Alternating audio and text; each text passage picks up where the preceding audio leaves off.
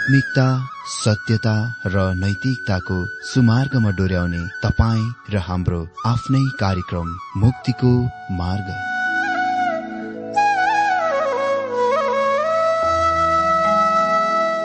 आदरणीय श्रोता यस मुक्तिको मार्ग कार्यक्रममा हार्दिक स्वागत छ। आशा छ यस आत्मिक कार्यक्रमद्वारा जीवनमा आत्मिक आशिष अलौकिक शान्ति र आनन्द प्राप्त गर्नुहुनेछ। र जीवनमा धन्य अनुभव गर्नुहुनेछ। आउनुहोस् श्रोता। मन र आत्माको तयारीको लागि यो मिठो अनि मधुर भजन गीत सुनौ।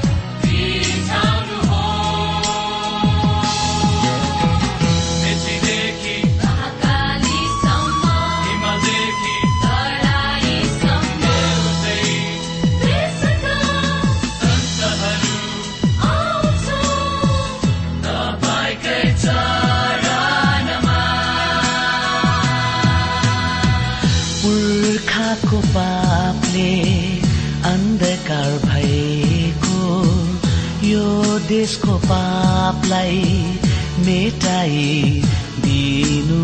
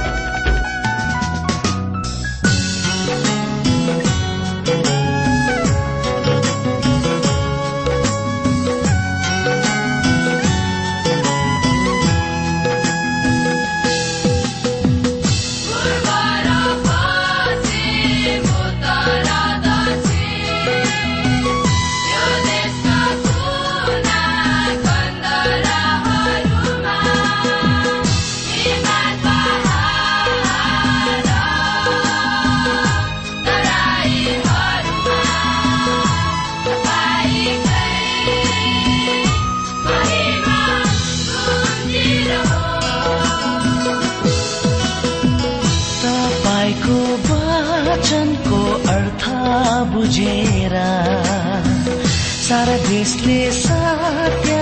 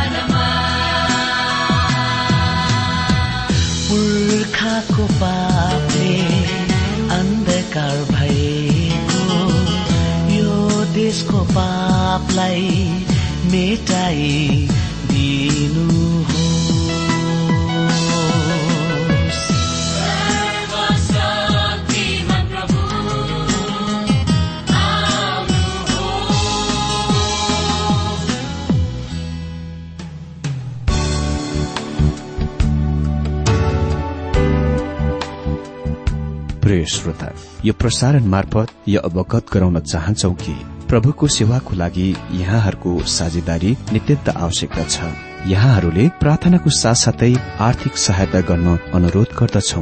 तपाईँहरूको सानो भन्दा सानो भेटी किन नहोस्? हामी प्रभुको नाममा स्वीकार गर्नेछौ प्रभुको सेवाको लागि। तपाईँहरूको यो सानो लगानीले कसैको जीवनमा भिन्नता ल्याउँछ अनि प्रभुको महिमा हुन्छ। प्रभु तपाईँहरूलाई महान गरी आशिष दिनुहुनेछ। इच्छुक श्रोताहरूले तपाईँको इच्छा भेटी हाम्रो ठेगानामा पठाउन सक्नुहुन्छ जुन ठेगाना हामी कार्यक्रमको अन्तमा दिनेछौ। आदरणीय श्रोता मित्र प्रभु येशु ख्रिष्टको मधुर अनि सामथिनामा मेरो जयमसी साथै हार्दिक स्वागत छ आजको यो बाइबल अध्ययन कार्यक्रममा। श्रोता म आशा गर्दछु तपाई सबै आनन्द कुशलै हुनुहुन्छ होला। म पनि प्रभुको अनुग्रहमा आनन्द कुशलै छु। अनि तपाईँहरूले पठाउनुभएका सुन्दर सुन्दर पत्रहरूको लागि एसएमएसको लागि अनि फोन कलको लागि धेरै धेरै धन्यवाद। यसले हामीलाई निश्चय नै धेरै नै उत्साहित तुल्याएको छ। यो थाहा गर्दै कि यो कार्यक्रमले धेरैको आत्मालाई जीवनलाई आशिषित तुल्याइरहेको छ। जीवनमा एक नयाँ अर्थ थपिरहेको छ।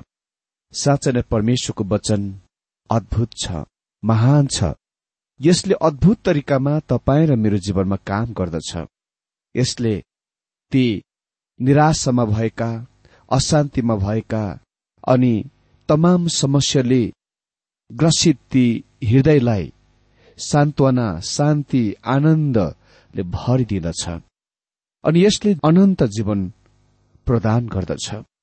त्यसकारण श्रोता निरन्तर यो बाइबल अध्ययन कार्यक्रममा आफू आफ्ना परिवारहरू साथै आफ्ना मित्रगणहरू छरछिमेकीहरूलाई पनि यो कार्यक्रम सुन्नलाई उत्साहित तुल्याउनुहोला किनकि यस कार्यक्रममा परमेश्वरको वचन दिइदछ परमेश्वरको वचन सिकाइदछ।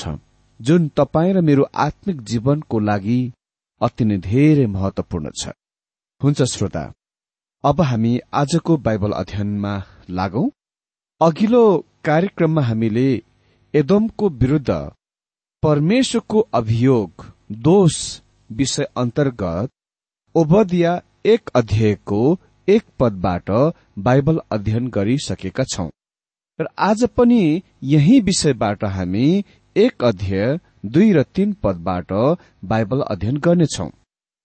हामीले देख्यौं कि एदोम चाहिँ एसौबाट आएको राष्ट्र वा जाति थियो।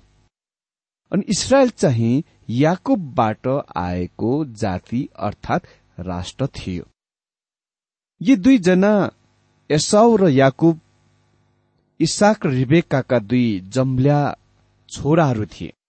अनि हामीले तिनीहरूको स्वभाव र चरित्रको बारेमा अघिल्लो कार्यक्रममा विवरण सहित अध्ययन गरिसकेका छौं। एसाउले शरीरको प्रतिनिधित्व गर्दथ्यो भने याकुबले चाहिँ आत्माको प्रतिनिधित्व गर्दथ्यो। अर्थात एसाउले विश्वासीहरूभित्र हुने पुरानो मनुष्यत्वको पुरानो स्वभावको तस्विर दिन्छ भने याकुबले चाहिँ नयाँ मनुष्यत्व वा नयाँ स्वभावको तस्विर दिन्छ।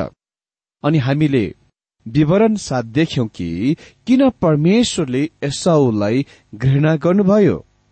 वा परमेश्वरले त्यस राष्ट्रमाथि जुन एसौबाट आएको राष्ट्र थियो त्यसमाथि दण्ड ल्याउनुभयो? एकपल्ट म एक अध्यायको एक पद पढिदिन्छु। यहाँ यस प्रकार लेखिएको छ। परम प्रभु परमेश्वर एदमको बारे यसो भन्नुहुन्छ हामीले परम प्रभुबाट यो सन्देश सुनेका छौं। एउटा राजदूत जाति जातिहरूका बीचमा यसो भन्न पठाइएको थियो उठ हामी त्यसको विरूद्ध लडाई गर्न जाउँ अनि दुई पदमा हेर म तँलाई जाति जातिहरूका बीचमा क्षुद्र तुल्याउने छु त अति नै तुच्छ हुनेछस्।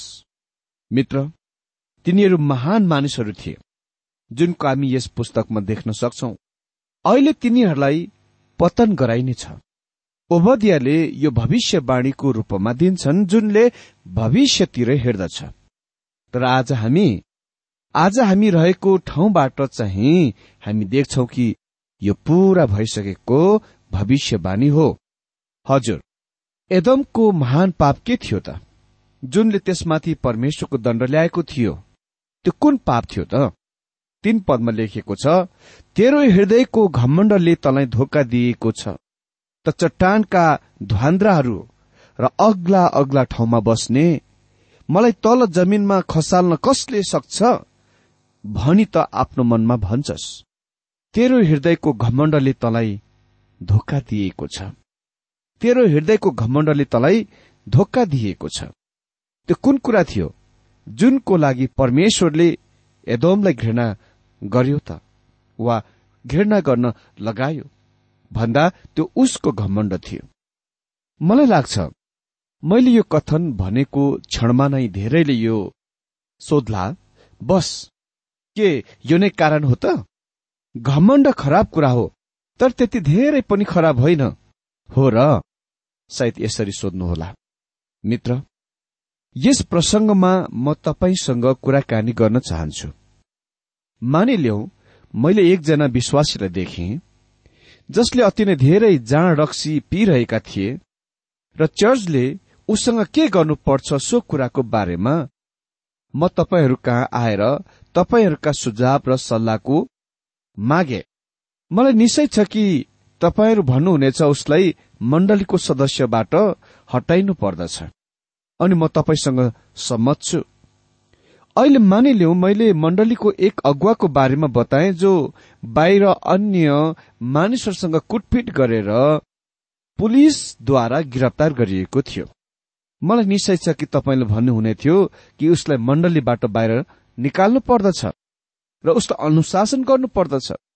म त्यसमा पनि तपाईँहरूसँग सहमत छु। मानिलिउ मैले तपाईँलाई बताए म एक मण्डलीको सदस्यको जान्दछु जो अति नै घमण्डले फुलिएको छ जो एक सबभन्दा घमण्डी मानिस हो जस्तो कि मैले आफ्नो जीवनमा त्यस्ता मानिस भेटाएको छैन। अ म यो भन्नलाई साहस गर्दछु कि तपाईँले सुझाव दिनुहुने थियो कि उसलाई मण्डलीबाट निकालियोस्।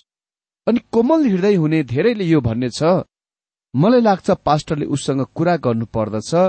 र उसलाई भन्नु पर्दछ कि घमण्ड गर्नु खराब कुरा हो। तर त्यो त्यति धेरै खराब कुरा पनि होइन। कमसे कम त्यो त्यस्तो अति ठूलो पाप देखिँदैन। यो मात्ने कुरा जस्तो चोर्ने कुरा जस्तो व्याविचार गर्ने कुरा जस्तो झुट बोल्ने कुरा जस्तो ठूलो पाप होइन। अमित्र म तपाईँलाई भनौँ परमेश्वरको दृष्टिमा घमण्ड मद्यपानले मातिनुभन्दा अति नै ठूलो पाप हो। अहिले बाइबलसँग मद्यपानको पापको बारेमा धेरै कुरा भन्ने कुरा छ। परमेश्वरले मद्यपानको निन्दा गर्नुहुन्छ। यसले इसरायलको पतन बाइबलको पतन सिकन्दर महानको साम्राज्य र रोमी साम्राज्यको पतन गराएको थियो।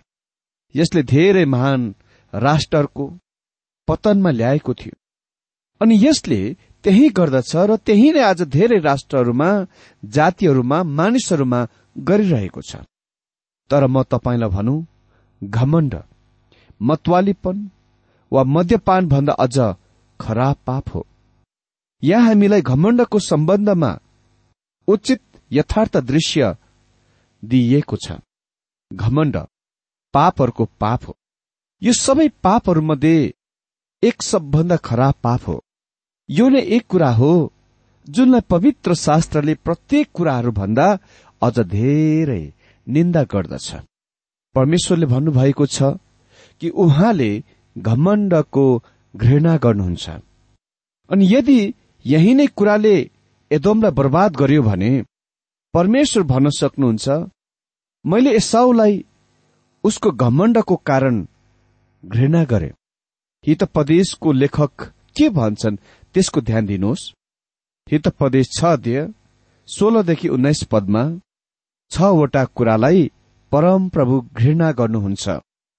सातवटा कुरादेखि उहाँ घिनाउनुहुन्छ अनि त्यसपछि हितोपदेशकारले सूची तालिका दिन्छन् पहिलो अहंकारी आँखा दोस्रो झुट बोल्ने जिब्रो तेस्रो निर्दोष रगत बगाउने हात चौथो खराबी चिताउने मन। पाँचौं दुष्ट काम गर्ने अग्रसर हुने खुट्टा अनि छैटौं धेरै असत्य बोल्ने झुट्टा गवाई र सातौं दाजुभाइहरूको बीचमा झगडा उठाउने मानिस। अमित्र के तपाईँले देख्नुभयो कि परमेश्वरले घृणा गर्ने सात कुराहरूमध्ये पहिलो स्थानमा कुन छ? अहंकारी आँखा। आज कति मानिसहरू यस पापका दोषीहरू छन्। मित्र मतवालीपन परमेश्वरको दृष्टिमा अति नै ठूलो पाप हो तर त्योभन्दा खराब पाप घमण्ड हो। परमेश्वरले घमण्डको बारेमा खालि यति मात्र भन्नुहुन्न। उहाँसँग यसको बारेमा भने धेरै कुरा छ। परमेश्वर भन्नुहुन्छ कि उहाँले घमण्डको विरोध गर्नुहुन्छ तर उहाँ सधैँ नम्रहरूको पक्षमा हुनुहुन्छ। हितपदेश आठ अध्ययको तेह्र पदले भन्छ परमेश्वरको भय मान्नु दुष्टतालाई घृणा गर्नु हो।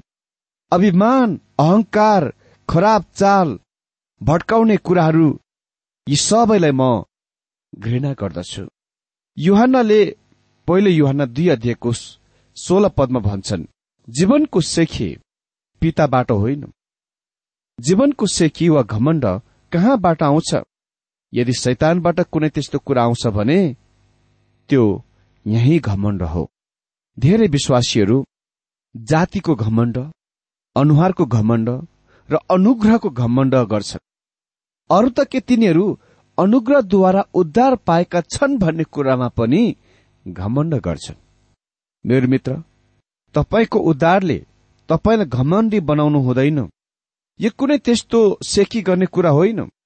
बरु यो कुनै त्यस्तो कुरा हो जुनले तपाईँलाई परमेश्वरको महिमा गर्न लगाउनु पर्दछ। अनि यो नै कुनै त्यस्तो कुरा हो जुनले तपाईँलाई नम्र तुल्याउनु पर्दछ। त्यति मात्र होइन।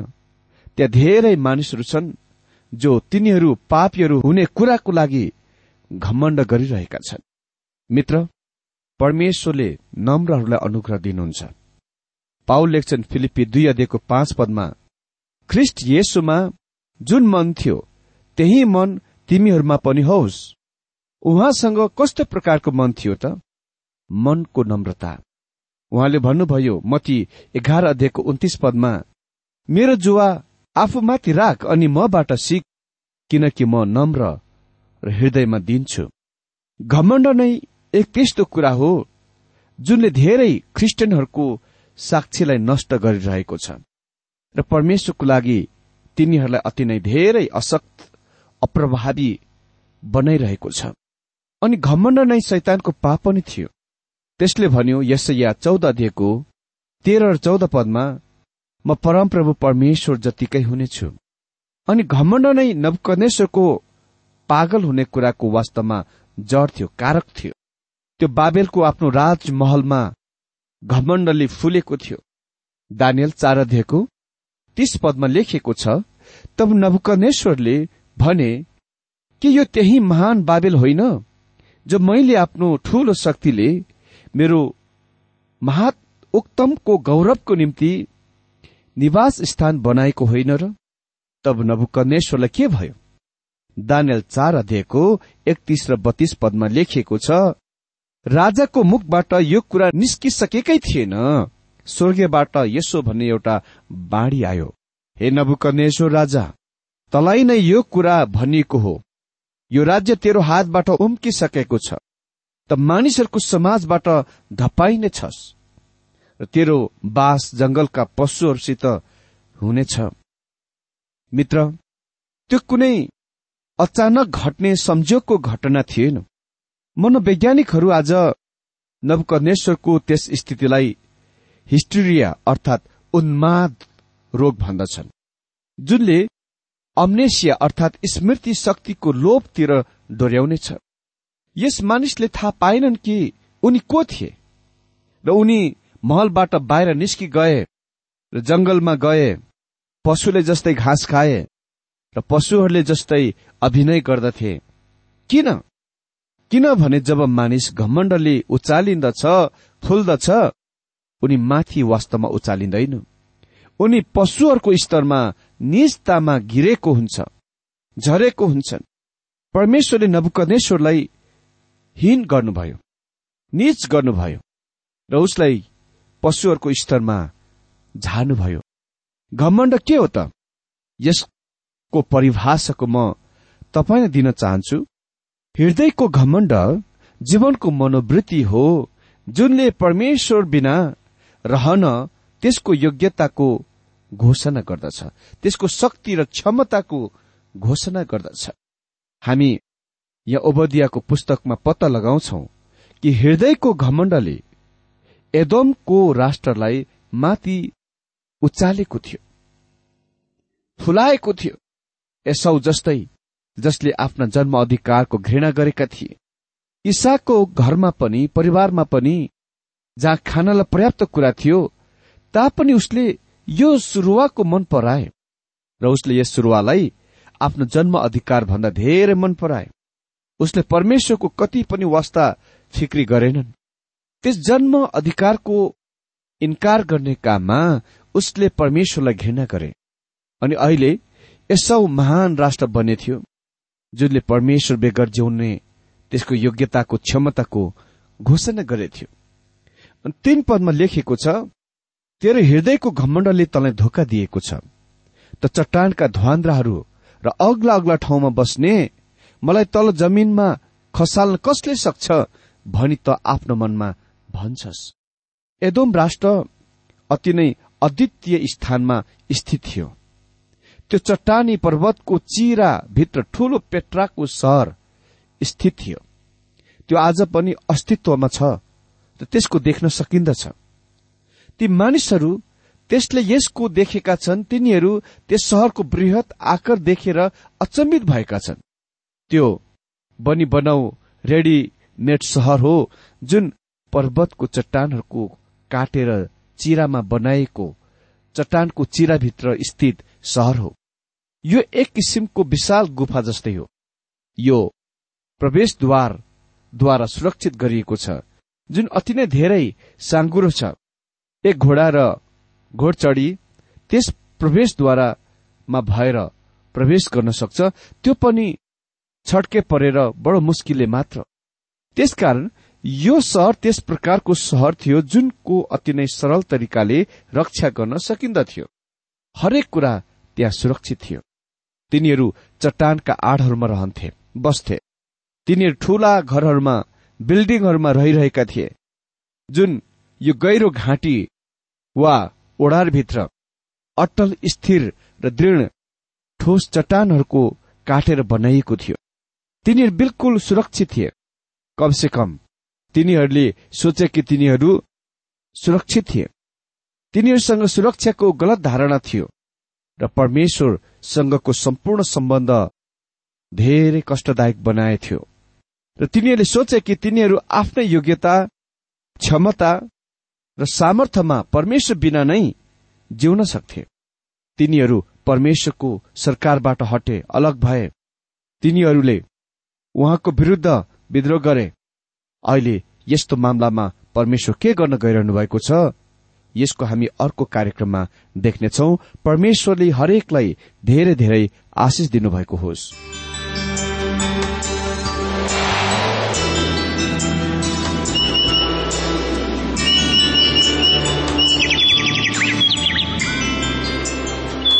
प्रिय श्रोता अहिले भर्खरै तपाईँले टीडब्ल्यूआर नेपालद्वारा सञ्चालित आत्मिक कार्यक्रम मुक्तिको मार्ग सुनिरहनु भएको थियो। श्रोता आजको यो कार्यक्रम सुनेर तपाईँलाई कस्तो लाग्यो? यदि यो कार्यक्रम सुनेर मनमा कुनै खुल्दुली वा कुनै प्रतिक्रिया अर्थात सुझावहरू छन् भने हामीलाई पत्रद्वारा लेख्न सक्नुहुनेछ।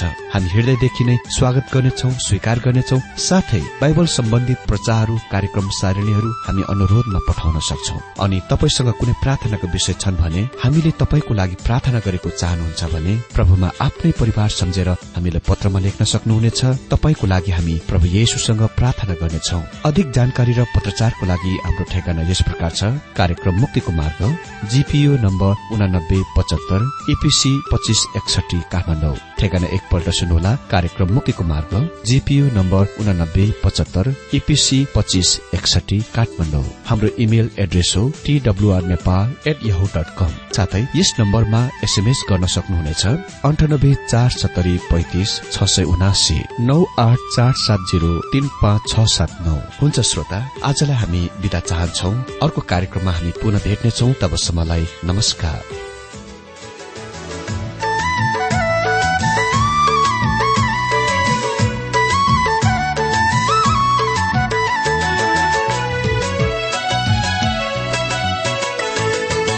रङ्गी हाल्यो। बिहानी आकाश आउन धरतीमा शान्ति छैन। पाहाडमा जिउनेहरूलाई धरतीमा शान्ति छैन। पाहाडमा जिउनेहरूलाई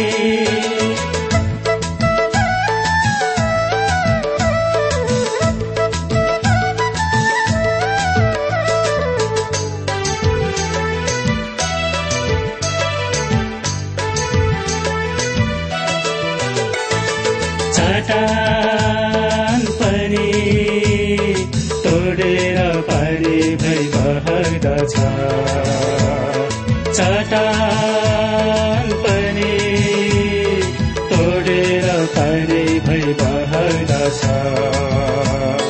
मान्छेको हृदय कठोर हुन्छ मन कहिले गरे। हे मन मन कहिले फर्कने हे मन मन कहिले फर्कने छेते बिहानी गुनरा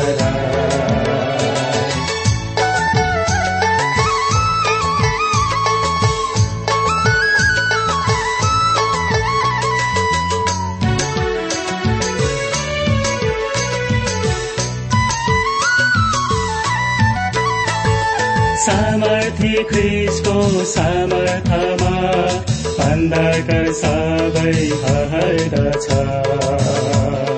सामर्थ्य ख्रिसको सामर्थमा अन्धकार सबै हर्दछ। मान्छेको मनमा अन्धकार किन मन कहिले फर्कने? हे मन मन कहिले फर्कने? हे मन कहिले फर्कने सिधे रङ्गी हाल्यो बिगडेको गुणरा